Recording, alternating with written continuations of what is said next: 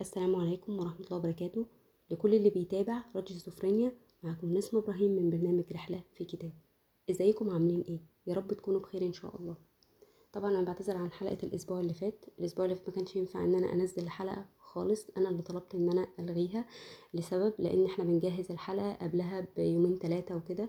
بس آه طبعا آه بعد ما جهزت الحلقة حصل اللي حصل وحصل مواقف في غزة وفلسطين والناس اللي انضربت والأطفال آه، طبعا ما كانش ينفع الحلقة تنزل تماما لأن لازم أنزل حاجة ليها علاقة بالقضية. فلما نزل خلاص ما ملحقتش ملحقتش ما كانش قدامي وقت إن أنا أجهز آه، حلقة مناسبة للقضية اللي إحنا عايشين فيها دلوقتي.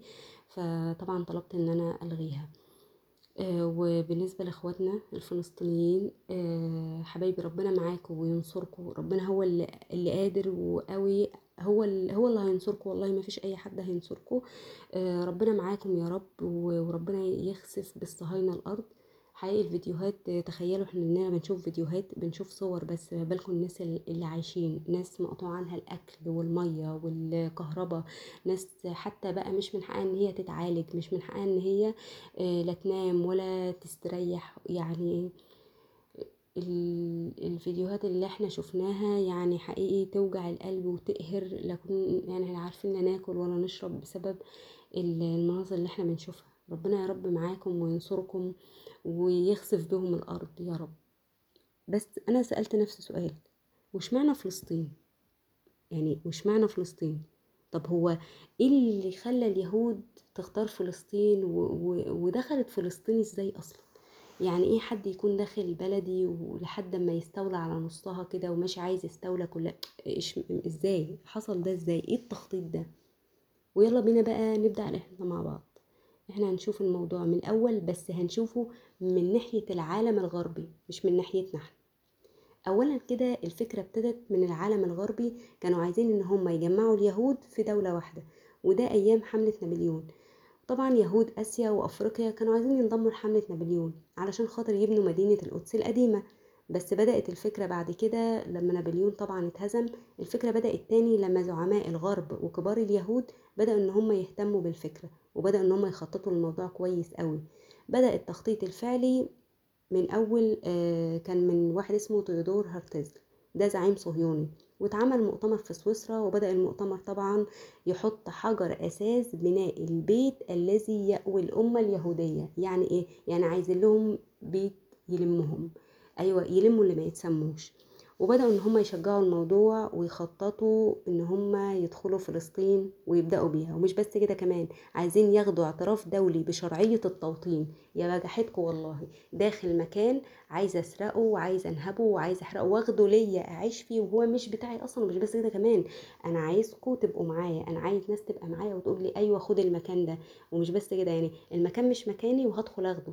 وعايز ناس تانية تقول لي خده والناس دي أصلا ده مش مكانها إن هم يحكموا خدوا. طب ده مش لا مكانك ولا مكان أهلهم ولا مكان أمك. أنت داخل ليه ليه؟ بتدخل أنت بتدخل مكان ليه؟ وعايز مكان مش بتاعك ليه؟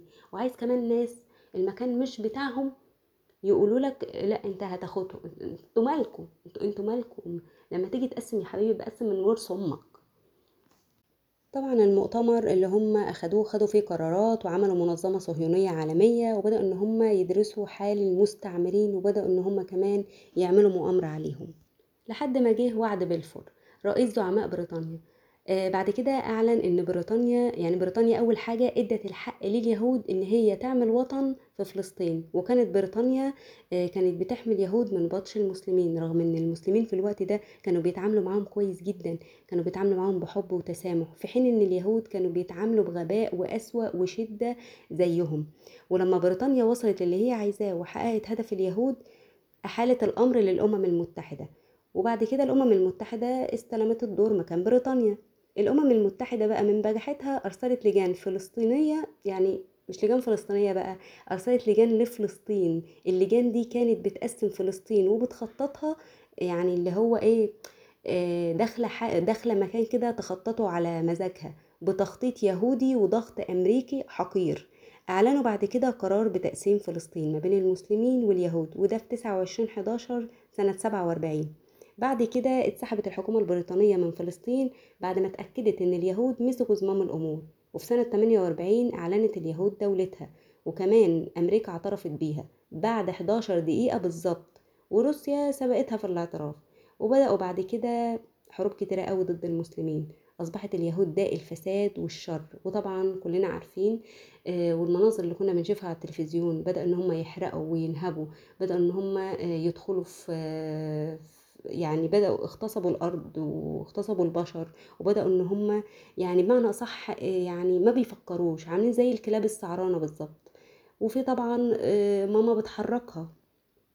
حقيقي حرب كبيرة قوي عبارة عن تعذيب. واجهوا كل أنواع الحروب من الفساد والقهر لا بيرحموا لا أطفال ولا نساء ولا كبار ولا أي حاجة لدرجة المساجد المساجد هدموها والكنايس هدموا المستشفيات. طب أنت بتهدم مستشفى ولا كنيسة ليه؟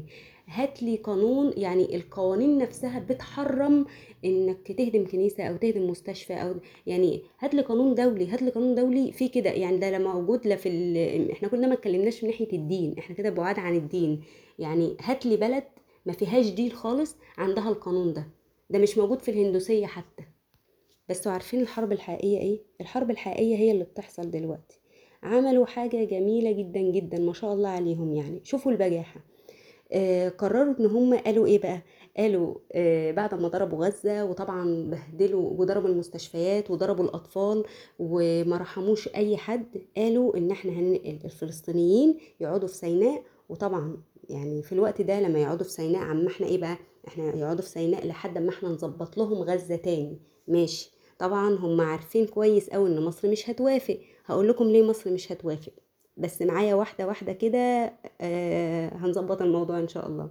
فبالتالي مصر هتطلع وحشة. ليه؟ لأنها مش موافقة تدخل الفلسطينيين. لا واللي يضحك إيه بقى؟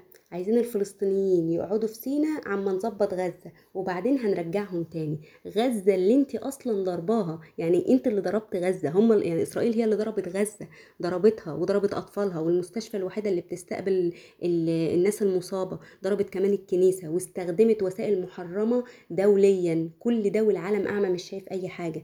وكل ده جايين على مصر بقى. الوحيدة واول أول واحدة أصلا قدمت الدعم لغزة وأهلها مستعدين يدخلوا معبر رفح ومش خايفين انهم يعني هم داخلين أصلا هم عارفين إن هم في أي وقت ممكن يستشهدوا ممكن يموتوا سايبين برضو أطفالهم واولادهم وبناتهم ومع ذلك هم مش خايفين. متوكلين على الله. كده في الوقت ده مصر طلعت وحشة قدام فلسطين والعالم كله لأنها رافضة يسكتوا لا إزاي وليكن مثلا الفلسطينيين قعدوا عندنا في سيناء. مفيش أي مشكلة خالص هينورونا. طبعا هم هيجوا يضربوهم عندنا. بالتالي مصر مش هتسكت. طبعا مش هتسكت لأن مصر في الوقت ده هتدافع عنهم وعن أرضها. وبكده مصر هتطلع وحشة للمرة التانية لأنها ضربت وإحنا أصلا عاملين معاهم معاهدة سلام. يعني لا تضربني ولا أضربك. وطبعا في ناس مستنية مصر تدخل واعدالها تمام؟ اعدالها اعدالها ومستنية مصر هي اللي تبدأ علشان تضربها. وطبعا كلنا عارفين مين اللي هتبدأ. ماما ميكا طبعا كلنا عار... ماما ميكا كلنا عارفين يبقى كده إسرائيل أخدت فلسطين كلها وخدت سينا وهتدخل على مصر وهكذا. هو أنتوا فاكريننا عبط؟ أنتوا فاكريننا هبل؟ أيوه بس برضو إيه اللي دخل سينا وفلسطين ومصر؟ هم عايزين سينا ولا فلسطين ولا عايزين؟ وش معنى فلسطين أصلا. هقول لكم سبب حرص الصهاينه على فلسطين أول حاجة موقع فلسطين الجغرافي وهدفهم وراه إنهم يحتلوا العالم. يعني إيه؟ في زعيم صهيوني اسمه نحوم جولدمان قال إيه؟ لم يختار اليهود فلسطين لمعناها التوراتي بالنسبة إليهم ولا لأن مياه البحر الميت تعطي سنويا بسبب التبخر قيمة 300 مليار دولار من المعادن وأشباه المعادن. وليس لأن مخزون فلسطين يعادل 20 مرة مخزون الأمريكتين معا.